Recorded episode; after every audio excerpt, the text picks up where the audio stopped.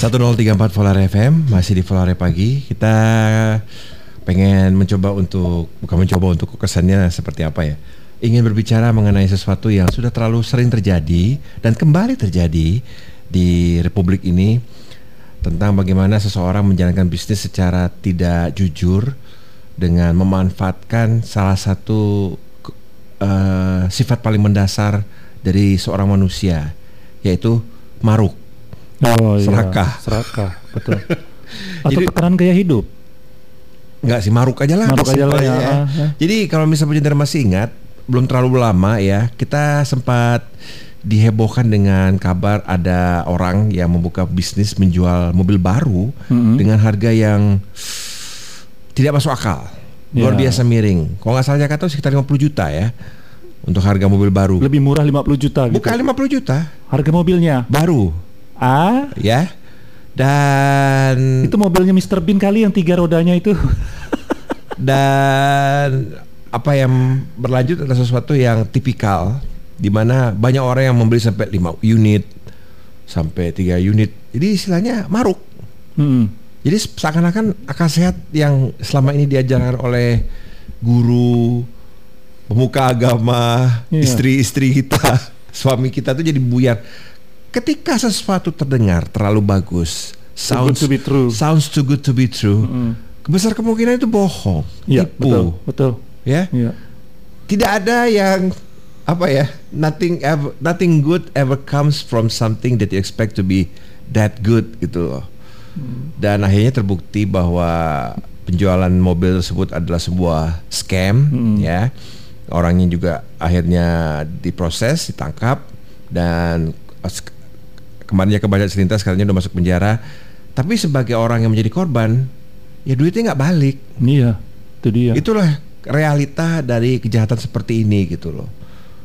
Ketika menjadi korban ya bukan berarti mengikhlaskan sih, tapi ya gimana duitnya nggak balik dan baru sekitar dua hari ini ada juga yang sedang warawiri di lini masa kita di media sosial kita ya mengenai bagaimana sebuah bukan sebuah sese- seseorang menjalankan la- bisnis yang tidak jujur yang menjual apa istilahnya gawai dengan harga yang jauh di bawah harga pasaran di harga resmi. Bahkan Jakarta Rasa juga di bawah harga uh, black market. Itu istilah sudah semakin pudar gara-gara pemerintah mengejar email itu ya. Tapi apa ya? Ketika ada orang menawarkan kah kau mau beli dah? PS5 3 juta aja. Respon saya pertama mungkin Bekas, bukan. Second. saya langsung naik langsung apa meeting dia gitu loh. Kok nipu aku ya? Jangan-jangan PS3 terus tulisannya tiganya dicoret jadi lima. Hmm. karena itu nggak masuk akal gitu loh. Dari dari apa ya kita mencoba melihat dari sisi mana pun itu tidak masuk akal. Bahkan dari sisi barang selundupan sekalipun itu tidak Mm-mm. masuk akal Iya, gitu. iya. karena itu adalah barang yang sangat dicari-cari dan harga tidak mungkin seperti itu gitu penjahat asli sekalipun tidak akan menjual serendah itu gitu. Itu pentingnya orang memahami hukum dasar ekonomi ya. Jadi barang itu kalau banyak dicari biasanya harganya melambung. Nah, kembali- Nggak mungkin jatuh kembali itu. dengan opening kita tadi Hmm. ini dimotivasi oleh Kem- serakah, maru. Mm-mm. ya jadi akal sehat. Semua ilmu yang kita dapat dari bangku sekolah itu buyar. Makanya kalau Poltek bilang memahami hukum dasar ekonomi mereka paham. Mhm. tapi maruk tapi tap- tanpa berma, eh, mungkin ter- terkesan judgmental ya. Cuman sulit untuk kita tidak ngerasa bahwa orang-orang ini maruk ya. Tidak hanya sekedar korban tapi memang maruk. Ketika mereka memesan tuh lebih dari satu unit gitu. Hmm. Iya. gawai Kemungkinan ada motif ekonomi itu juga di belakangnya cuan. Dia, wah cuan nih gitu. dan tidak ada yang lebih apa ya bikin kesal kalau misal eh, orang posting ah, coba-coba ah beli dua unit gitu dia jadi untuk memberi kesan bahwa aku uangnya hilang nggak apa-apa kok gitu Baru ngorek tabungan itu. Eh, apa it, that's very sad.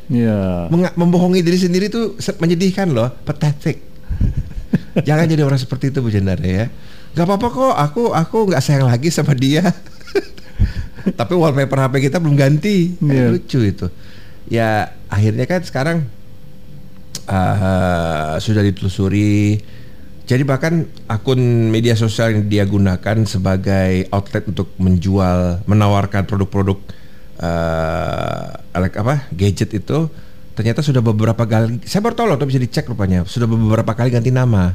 Jadi Hmm. bukan akun fresh. Iya. Jadi akun itu katakanlah sudah sudah buka semenjak tahun Januari 2020, tapi sudah beberapa kali ganti nama, akhirnya sekarang jadi nama toko yang menjual yang menawarkan produk-produk elektronik itu. Oh, jadi akun yang sudah sering bermetamorfosis ya? Iya, dan berfotosintesis. Iya. Itu kan sudah organisasi yang barusan itu. Ah. Voltak di Swigno, Pak. Terus juga apa ya? ah, seperti kita juga sudah tahu ya golden rule. Golden rule belanja online di Ya. Indonesia ini adalah jangan pernah transfer langsung.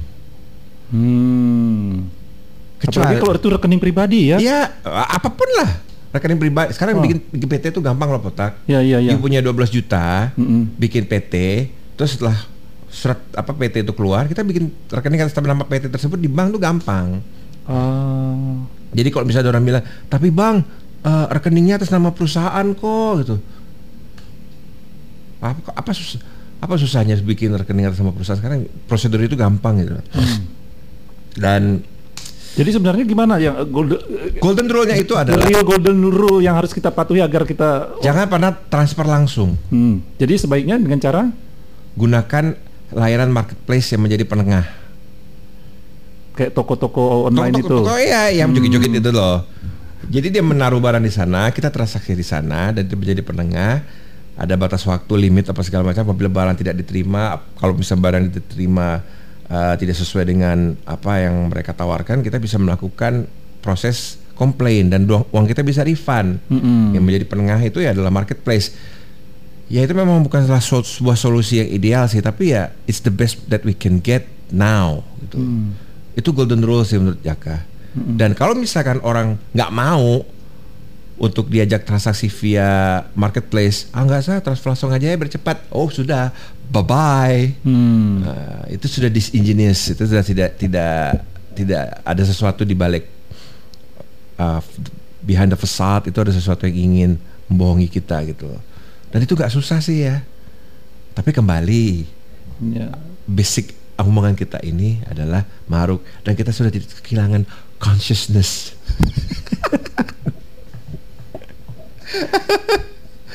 Jadi itu itu juga ya eh, apa kema- eh, atau ke, kepi- keingin mendapat keuntungan ya. Ya. Ba- bahkan dengan, Dengan cara cepat. dengan cepat itu sering kali masih menjadi penyakit eh, sosial masyarakat kita sehingga akhirnya dimanfaatkan oleh beberapa orang tidak bertanggung jawab kan misalnya dalam apa ingat apa penipuan-penipuan dari lembaga keuangan bodong gitu ya atau Betul. dalam bentuk koperasi Betul. peminjaman kredit apa itu semuanya itu kan sering kali dan juga sebenarnya yang yang yang lucu itu misalnya orang Indonesia memang keping suka cara-cara yang praktis untuk jadi kaya gitu. Makanya kalau buku-buku itu kan 20 cara menjadi kaya. Woi laku gitu kan cepat itu. Dan dukun-dukun yang menawarkan segala material-material untuk mendukung orang menjadi kaya itu itu tetap laris sampai sekarang. Jadi kalau misalkan kita lihat memang eh, semua lapisan masyarakat, semua tingkat pendidikan itu tidak aman lah ya. Selagi kita masih memiliki sifat dasar yang serakah, maruk, ya kita tidak aman. Gitu loh. Nggak, Iya. nggak- peduli anda seorang milenial, milenial atau bisul. atau seorang dokter yang tertipu beli jimat sampai puluhan juta gitu ya Akhirnya bahan- jadi bahan tertawaan seluruh sosial media Ya jadi ya sulit untuk kita bersimpati gitu loh. Tapi ya tetap bersimpati lah ya. Ah, banyak duit itu ya. Dan juga oh ya satu lagi yang eh, Jaka baca menjadi banyak pembenaran. Kenapa sih mereka ini kan pintar-pintar ya? ya Istilahnya punya uang segitu pasti kan punya pemasukan yang cukup steady ya Mm-mm. istilahnya. Ternyata pembenaran yang mereka uh, gunakan itu adalah mereka beriklan kok katanya. Berik, uh, tokonya itu beriklan di Videotron di Sudirman katanya. Terus beriklan di TV katanya. oh Ya saya bilang, uh, saya berkomentar penipu pun ada yang beriklan di TV Iya mereka beriklan di TV. Wow. Iya itu itu sesuatu yang baru tapi bukan sesuatu yang out of this world gitu loh. Jadi mereka udah udah, udah hitung pasti dapat untung ini Gini dari loh, Anda ingin mendapatkan ikan lele yang 11 kilo Ha-ha. dengan ikan lele yang 3 kilo, umpannya beda kan? iya. Iya, iya. Anda ingin menangkap kerapu sama tuna, beda kan? Hmm. Lautnya, airnya, Lokasinya. umpannya, Hmm. Kalau Anda ingin mendapat yang jumbo-jumbo ya, umpannya juga harus keren dong. Hmm. Pakai iklan di TV, Ya, iklan jadi di bonafit kesannya ya. Oh, dan itu kan membuat semua orang, "Wow, this is le- legit." Ah, betul, betul. You are legitimately stupid. Tapi begini loh, sekarang kalau misalnya Bu Jendar pikir secara ya udah nggak bisa mikir jernih, tapi coba kita pikir secara jernih. Ini pandemi, Hmm. tarif iklan banyak penyesuaian boh. Hmm. TV-TV swasta yang paling senior sekalipun, Iya. sekarang ada iklan kalung terapi. Tiga tahun yang lalu mungkin nggak tuh iklan ada di TV itu Udah banyak iklan kalung terapi, tapi tengah malam. tengah malam dulu. Sekarang kan nggak, Nggak. prime time juga ada. Iya, kan? iya, iya. Karena apa? Pandemi. Iklan susah. Ya jadi kan itu ah, susah sih ya. Dan Videotron itu kan Jaka dulu pernah lihat orang ngelamar pakai Videotron kok. Mhm. Lagi jalan terus Videotronnya, "Wah, maukah kamu menikahi aku?" Terus dia ngasih cincin gitu. Norak gitulah. Tapi kita membuktikan bahwa Videotron itu gampang nyewanya. Hmm. Potak mau nyewa yang di simpang Pelamboyan bisa. Nanti lah ya kalau ada kerusuhan saya bawa nyewa gitu. Saya akan take side. Jadi gitulah ya, golden rule itu tetap paling sederhana ya. Jangan pernah mau bertransaksi untuk melakukan transfer Betul, langsung ke sebuah rekening, baik itu atas nama pribadi, atas nama perusahaan. No no. Kalau ini pakai cara apa yang bayar di tempat tuh si COD apa istilahnya? Siapa tahu dia digendam, Jadi keluar banyak ya. itu tetap Makanya jangan berisiko. disentuh orangnya. Itu tetap tetap berisiko lah. Ah. Pakai penjepit yang panjang itu kan. COD juga tetap beris- tetap berisiko lah itu. Malah gak todong atau apa segala. Tapi memang ya itulah ya jangan pernah bertransaksi transfer langsung apa segala macam. Karena ya saya mengingatkan bahwa dalam kasus seperti ini ketika uang kita sudah keluar, kemungkinan balik itu kecil sekali. Iya, iya. Sangat itu kecil. sebenarnya sangat agak mengecewakan saya dalam soal eh, penyelesaian hukum gitu ya. Banyak hal-hal penipuan yang termasuk dalam eh, fi- finance gitu ya. Itu su- sering kali susah ba- kembali gitu. Jadi apa yang salah dalam penegakan hukumnya atau cara pe- penyelesaiannya gitu loh. Min- minimal ada lah yang yang balik ini kadang-kadang tidak ada balik sama Mungkin sekali. kalau misalkan kita sudah Kasian, punya alat Doraemon ya yang berupa pintu, eh, berupa alat. jadi kalau misal barang dilempar ke situ, keluar duit. keluar duit. Jadi kok bisa benda apa pun, misalkan remote AC nih ya, kita lempar, mungkin harganya 5000 keluar 5000 Oh, jadi kok, nilai barang. nah, jadi kok misalnya orang yang nipu ditangkap, kita telanjangin, masukin barang-barang dia ke dalam situ, entah itu sofa, kulkas, mungkin bisa ya. Hasil penipuannya balik lagi. Iya gitu. bisa kali lah. Cuma sekarang kan, ya ketika dia mencuri, dia kan sudah langsung menyebar uangnya ke mana-mana, Hmm, hmm, dan tidak segampang itu dilacak. Iya, iya. Iya. Dan kalau misal orang itu pikir, ya aku udah dihukum lima tahun penjara, ngapain aku kasih tahu duitnya di mana? Iya kan, entah disimpannya di Singapura, di Swiss kayak keluarga itu kan. Ah, atau di Keluarga ini gunung Cayman, gitu. Cayman. Jadi kan ya dia berpikir ya itu buat uang pensiun aku nanti. Iya, Gak apa-apa iya. lima tahun di penjara berkelakuan baik, tiga tahun remisi keluar. Habis itu miliuner. Dan tetap dihormati karena kaya kan. MI, M ember itu ya. Ya, di- itulah kehidupan sosial Indonesia kan mereka tidak peduli tentang catatan kriminal di, di masa lalu. Yang penting kalau dia da- da- eh, tetap tetap datang sebagai orang kaya tetap dihormati. Bangun rumah ibadah, mengaspal desa. Oi, Eh, Itu ada di bab berapa itu Pak untuk menjadi warga negara yang baik itu Pak? Bu- buku buku petunjuk tuh SOP.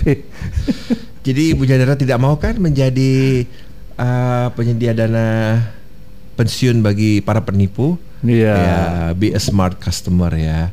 Dan kalau uh, juga kalau bisa Jadara pengen eh, ketika berbelanja ya salah satu golden rule itu adalah masukin keranjang terus tidur. Hmm. Ketika bangun Anda lihat masih masih mau nggak barang itu? Kok bisa masih mau ya udah beli. Kok bisa ternyata ternyata aku nggak perlu perlu amat ya kipas angin baru. Iya.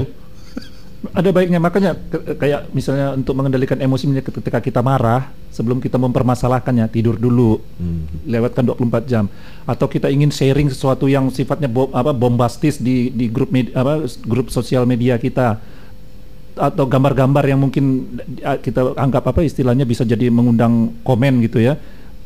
Diamkan dulu di HP kita 24 jam. apa. Ini layak enggak? Biasanya sering kali eh, ini enggak ada apa-apanya sih cuma ngundang ribut aja kan. Ah. Diamkan dulu di diamkan dulu. Hmm. Terus sampai jadi sistem belanja di online juga gitu ya, masukkan keranjang diamkan dulu. Dan biasanya nanti dapat email "Eh, Anda masih meninggalkan dua produk di keranjang Anda. Ada apa? Dapat kupon diskon. Oh ya? Iya. Di luar negeri itu udah menjadi udah menjadi apa metode yang cukup jamak gitu.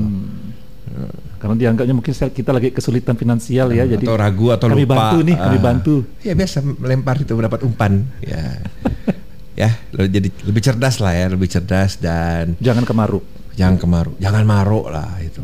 Bahkan dari segi apa pun yang an- apa pun yang anda sembah, apa pun yang Bujindra yakini, apa pun yang Bujindra imani, itu mengajarkan bahwa jangan maruk. Mm-mm. Ya, itu poinnya. Oke? Oke. 8 lewat 1 sudah berlalu. Apakah Bu Jendera masih mematuhi protokol kesehatan? Semoga ya. Dan apakah Bu Jendera juga sudah sampai kepada level untuk ah persetan dengan kalian semua? Aku saja yang sehat. Karena sudah cukup banyak orang-orang yang saya kenal sudah mulai lelah mau mengingatkan ya. Hmm, iya. Sudah masuk ke level saling saling ngolo gitu ya Hmm.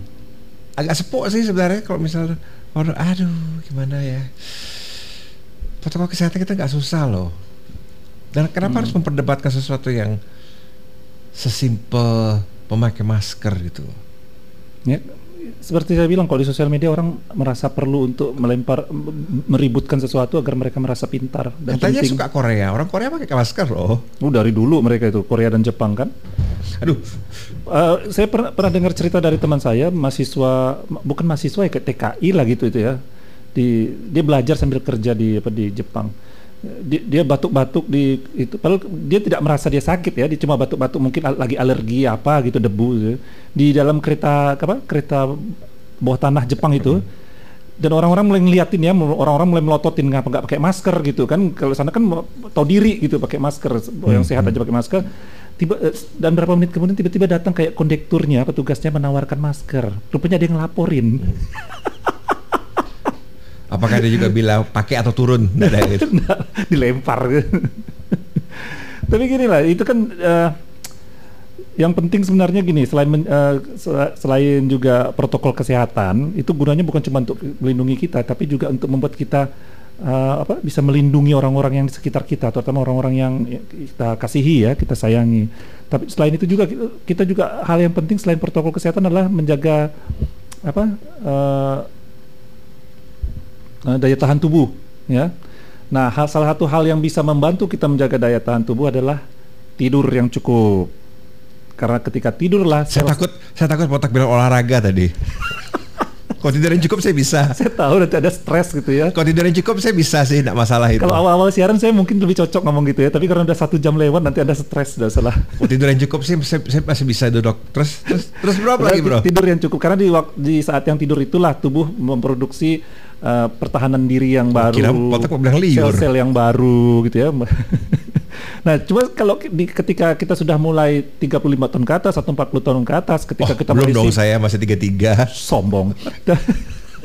Tapi ke- ketika kita mulai sibuk ya, uh, sehingga tidak punya cukup waktu untuk berolahraga sehingga ujungnya sering Ya. Se- Hmm, se- sehingga sehingga kita sering kali susah tidur ya. Nah, biasanya kita mensiasatinya apa? Perhatikan makanan.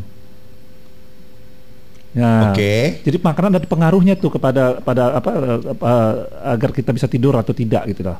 Saya kasihan Ya. sekali dengan orang yang tidak bisa susah tidur tuh loh. Oh iya? Ya, kasihan saya. Padahal saya berasumsi Anda susah tidur loh. Loh.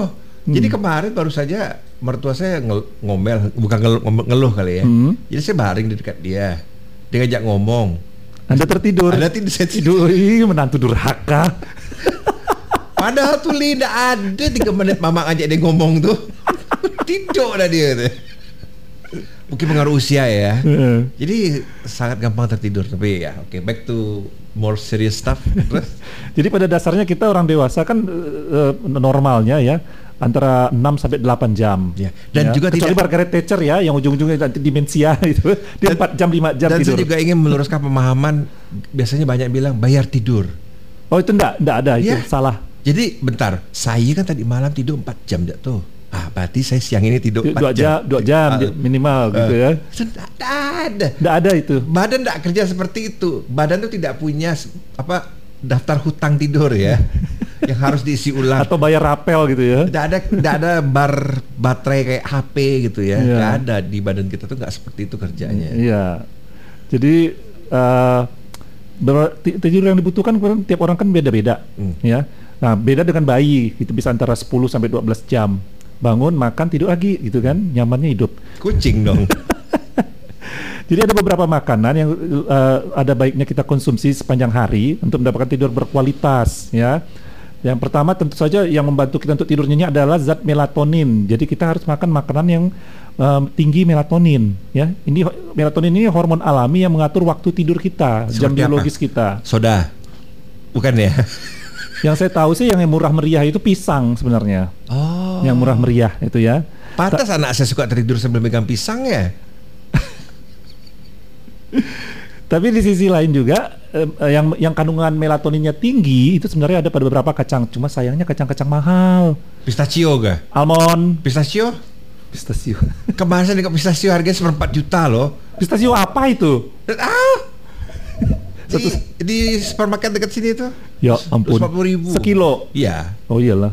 Eh. Pistachio itu kacang ketawa kata orang itu kan? Ya Betul ketawa gitu bayarnya. Nah, itu. Bayar, bayarnya ketawa. Istri yang merengut ya. Nah bisa ka- kacang kacang-kacang yang agak-agak mahal sih kacang almond itu bisa dijadikan camilan untuk menambah eh, melatonin ya di dalam di dalam tubuh kita. Istri saya kalau kacang ada beli kacang tuh almond atau cash atau mete tuh Hmm. taruh di lemari di belakangnya gitu. biar nggak dicemilin terus kan.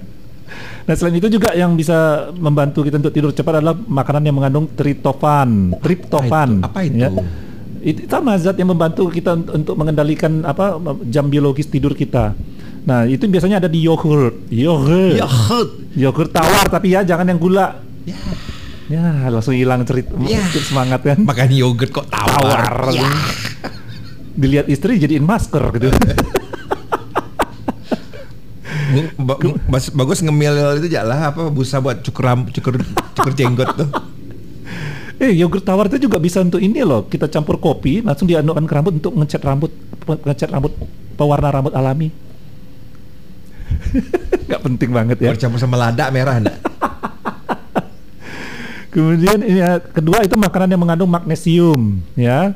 Sama seperti melatonin itu magnesium juga berperan untuk mendorong keinginan tidur. Jadi juga mengatur jam biologis tidur ya. Eh, terkait ini terkait dengan kemampuan eh, dari magnesium itu untuk mengurangi peradangan. Jadi kalau orang yang lagi sakit, terutama mi- misalnya ini cocoknya untuk yang oh, eh, apa rajin berolahraga. Oh, Apalagi- oke. Apalagi Skip, olahraga skip. Apalagi olahraga beban sehingga sering terjadi peradangan di sendi atau peradangan-peradangan ka- karena baru kecelakaan ya. Jadi mak- makanan yang mengandung magnesium itu penting agar orang tidur. Kalau kita lagi kayak waktu saya habis baru kecelakaan dulu kan memang susah tidur ya karena sakit berdenyut-denyut terus. Biarpun sudah makan pereda sakit tidur tidak nyenyak. Nah, tidur itu yang penting itu bukan lamanya tapi kualitasnya. Ini ember. Nah, jadi makanan yang mengandung sium- mengandung ma- magnesium itu biasanya yang berdaun hijau. Termasuk juga tadi kacang almond juga ya. Selai kacang. Nah, lega kan? Ada ada sesuatu yang bisa Anda konsumsi Nah, selai suka- kacang Saya suka nanas. dan biji bunga matahari. Kuaci. Iya, kuaci itu. Sok-sok banget sih biji bunga matahari. Bilang Kuaci kan ada ada yang biji ini, biji labu. Bukan semuanya biji bunga matahari, Pak. Kuaci itu. itu kuaci reformasi kali itu. ya cap gajah itu, gajah hitam. Kemudian yang ketiga makanan yang bisa membantu kita untuk tidur nyenyak adalah makanan yang utuh, bukan makanan olahan atau kali jangan bukan yang kalengan. Utuh. Utuh. Jadi maksudnya utuh itu adalah makanan alam eh, yang alami yang diproses seminimal mungkin. Ya, di- diproses secara minimal dan mengandung banyak serat. Tentu saja sayur. Langsung nguap. Ya Allah, semua. Untung tadi ada selai kacang tadi itu ya. Buat-buat loh, ini langsung nguap saya dengarnya. Terutama ini paling cocok kalau kita makan banyak mengandung serat dan makanan hijau ini di kalau kita makan makan malam. Baik. Se- ya makan malam. Jadi sekitar 3 atau 4 jam sebelum kita tidur. Itu bagus sekali. Karena itu membuat kita apa eh, nyenyak tapi ti- tidak sampai eh, istilah apa sih? Kalau ke- kekenyangan tuh apa itu ya? Maruk. Maruk. Sengeh, sengeh. Di antaranya ini yang mengandung serat tinggi itu misalnya bubur gandum, kacang Aduh. panggang, Apa itu bubur gandum? Nggak enak kali kedengaran. oatmeal. Aduh. Astaga, asik tuh Pak oatmeal tuh. Aduh. Ya udah dibuat jadi cookies saja lah. Kan lebih enak oatmealnya kan. Aku di gigi, Bro. Kacang panggang atau kac- eh, bubur kacang hijau yang hangat di malam hari. Badan ternyata suhu badan yang turun naik karena kedinginan juga bisa karena ini loh, bisa membuat kita susah tidur. Atau asi anda kotor. Atau telur. Ya, tapi kadang-kadang banyak- ini masih jadi perdebatan nih telur dimakan di malam hari. Tapi beberapa orang atlet menggunakannya telur untuk untuk apa agar tidak kelaparan itu mereka makan utuh satu butir telur sebelum tidur ya. Dan yang keempat eh, minuman hangat tapi bebas kafein. Ingat ya, teh juga mengandung kafein loh, ta- tapi sedikit kan. Yang paling bagus itu sebenarnya katanya walaupun teh itu mengandung kafein ringan, tapi teh kamomil itu direkomendasikan untuk diminum sebelum tidur karena efek relaksasinya itu. Tahu kan teh kamomil? Hmm? Teh bunga kamomil. Hmm. Saya itu tahunya itu teh baru sama teh lama ya. Kemudian juga minuman ini ya, minuman jahe hangat, kunyit, kunyit hangat, ya itu juga antiinflamasi. Untuk biasanya udah capek seharian tuh, itu cocok sekali minum itu. Jadi tidurnya nyenyak, ya. Ya kemudian juga yang tidak disarankan malah katanya susu sapi. Karena susu sapi bisa menimbulkan peradangan bagi sebagian orang, menimbulkan gas bagi orang yang sering kali ga- eh, asam lambungnya tinggi, ya, dan juga bisa kembung untuk sebagian orang. Hmm. Hmm. Apalagi untuk yang laktos intoleran intoleran itu ya. Tapi nggak juga sampai 12 ka- 12 jenis lah susu tuh. Jenis apa? Susu kedelai, susu ini, susu itu gitu kan. Ah, iyalah susu, dulu ada susu kacang apa Iya. gitu kan. Nah, iya. Susu kacang mete, susu kacang apa? So gay. Banyak sekali itu. Ya, anak anak Anda ya yang itu laktos intoleran bukan? Oh sekarang sudah Oh, anaknya Eri, sorry. sudah toleransi semua kok sekarang. Anda bertoleransi dengan anak Anda ya, bukan dengan bukan dengan biaya susunya. Tapi kalau misalnya menurut Jaka sih eh, salah satu kunci paling gampang untuk tidur nyaman itu adalah hidup sesuai kemampuan. Bebas stres gitu ya. ya. Ya, hidup ya, sesuai ya. kemampuan. Jangan Bersyukur. ba- jangan banyak utang. Mhm, Jangan lupa bersyukur. Ya. Hmm. Ketika kita bersyukur sebelum tidur itu lega gitu rasanya. Karena terkadang sebelum tidur kita suka menciptakan skenario tidak penting di kepala kita ya. Tapi begitu kita habis bersyukur dan kita ingat tetangga kita pu- punya koleksi keladi lebih banyak dari kita, stres lagi. Jadi tadi pagi Jaka melihat ada postingan meme di Twitter ya. Ya ada gambar terus ada pesan ada tulisan ingat loh 14 hari Anda diisolasi, HP akan dipegang istri gitu ya. Iya, itu lagi ngetop itu di, tadi malam juga di grup-grup WA saya ada munculan. Terus tiba-tiba ada SMS dari toko bangunan ya. Mas kamu nggak baik, kamu nggak apa-apa kan? Kamu baik-baik aja kan? Atau ini kalau orang yang ini kan kalau kita peternak kita kan sering titip ternak ke orang lain kan. Hah? Ma- titip ternak. Jadi istilahnya istilahnya kita punya pejantan dia punya be- betina kita apa ki- eh, istilahnya kayak kawin kontrak gitu loh. Nanti bagi hasil anaknya gitu kan. Anak anaknya itu kan gitu. Tiba-tiba nanti teman teman kita yang kita titipin ternak kita kan bilang Woi, simpanan kau tuh udah punya anak sehat semuanya. Kapan mau diambil? Lagi disusui gitu ya. Apa enggak ngamuk istri kan? Ya karena memang Bapak posting apa seperti ini ya menunjukkan betapa susahnya mengajak orang untuk hidup itu ya, aman ya. Hmm. Atau ini ya, kalau saya ngelihatnya bahwa kita biarpun suami istri secara budaya kita tidak tidak tidak apa ya, tidak eh, tidak paham apa itu privacy ya. Penting nggak privacy Apa itu? itu privacy polsek? Hah? Itu makanya di Indonesia ini kan. Karena saya ingat ayah saya itu kalau masuk kamar kami kan tidak pernah ketok, masuk aja gitu loh. Karena dia menganggap rumah itu ini rumahku gitu loh. Gitu, jadi ndak- dan tidak ada itu eh, eh, apa di dalam militer kan juga tidak ada privacy kan. Mandi rame-rame, tidur rame-rame gitu kan. Nah, jadi di rumah dan, dan, dan lihat apa yang terjadi pada Anda kan? Ah itu loh, makanya saya sangat mengagungkan privacy kan. Saya bisa penting nggak privacy di, di di dalam kehidupan berumah tangga, Ah. terutama handphone itu kan.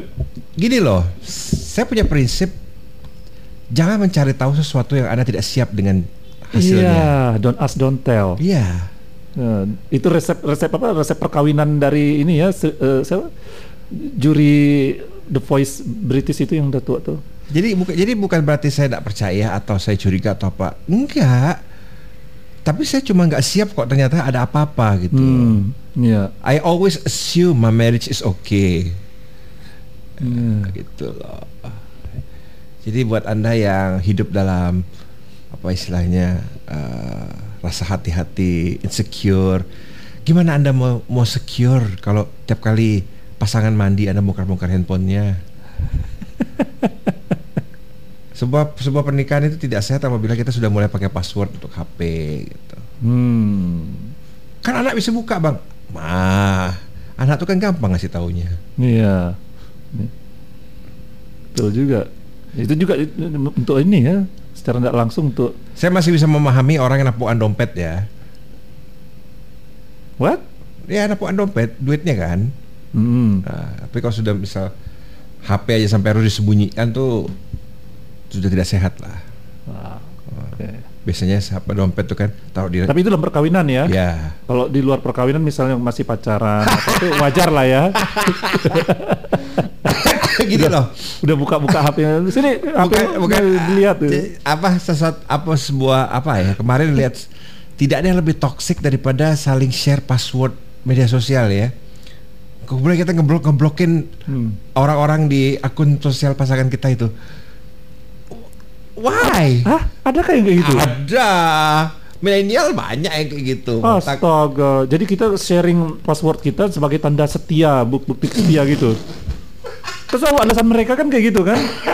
Nih, Aku nggak ada sembunyiin apa-apa sayang. eh, tanda jujur dan setia. Padahal ya, padahal ya, Bo, zaman sekarang itu ya, kalau mau stalking tuh gampang. Konekin aja akun Google-nya. Ah. Ada bisa lihat Google Maps-nya dia ke mana aja. Mm, Ada bisa lihat dia abis gain screenshot apa aja. Gampang kok. Iya, iya, iya. Kalau mau jadi apa pasangan yang insecure, paling tidak keep up with times. Hmm, Mau modern dikit dong. betul. Jadi kalau suami lagi suami lagi lagi ngajak makan malam rekan bisnis nggak perlu ditelepon-telepon lah ya. Udah Kita Iya. bisa lihat oh memang benar dia di di ini kan di sini. Nggak perlu telepon-telepon. Iya, itu Google tuh bahaya loh. Bahkan kepo pun harus itu ya keep apa sesuai dengan zaman ya. Jadi Google tuh bahaya loh Bujadara. Coba dicek deh settingan kalian itu.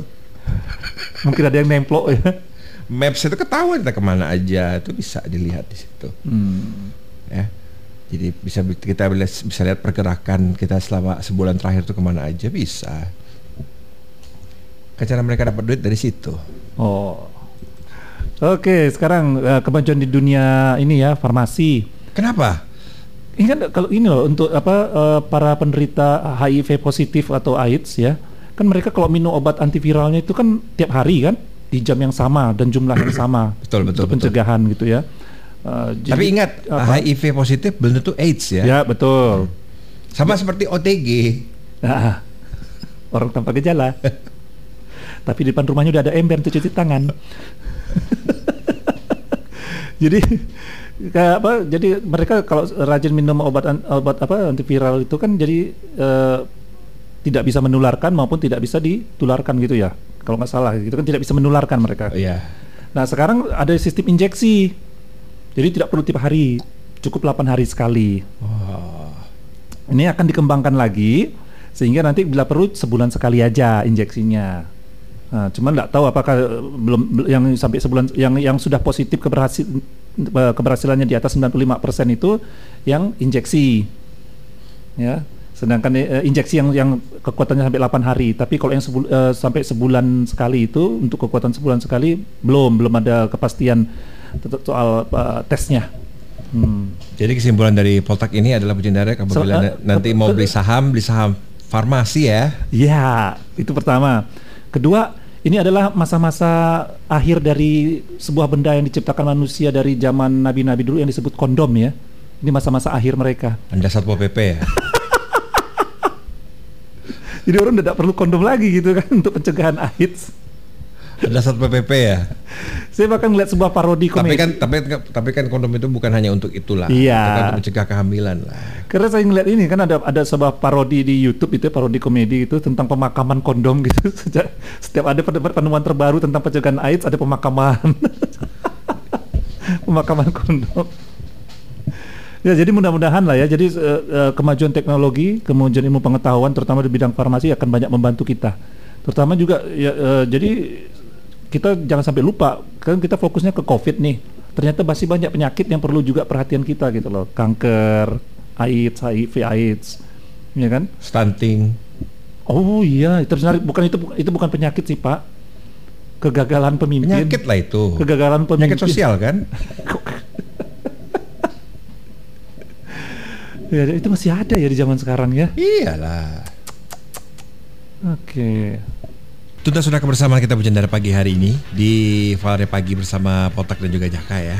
Oke kita bakal ketemu lagi besok Bujandara. Semoga apa pun Bujandara rencanakan hari ini pertemuan janji atau sekedar checklist. Silaturahmi. silaturahmi Hmm. ya asal jangan cuma virus ya karena itu tetaplah patuhi protokol kesehatan. Kita ketemu lagi besok ya. Yang bertugas ada Jaka. Dan juga Poltak. selamat pagi sekian dan wassalamualaikum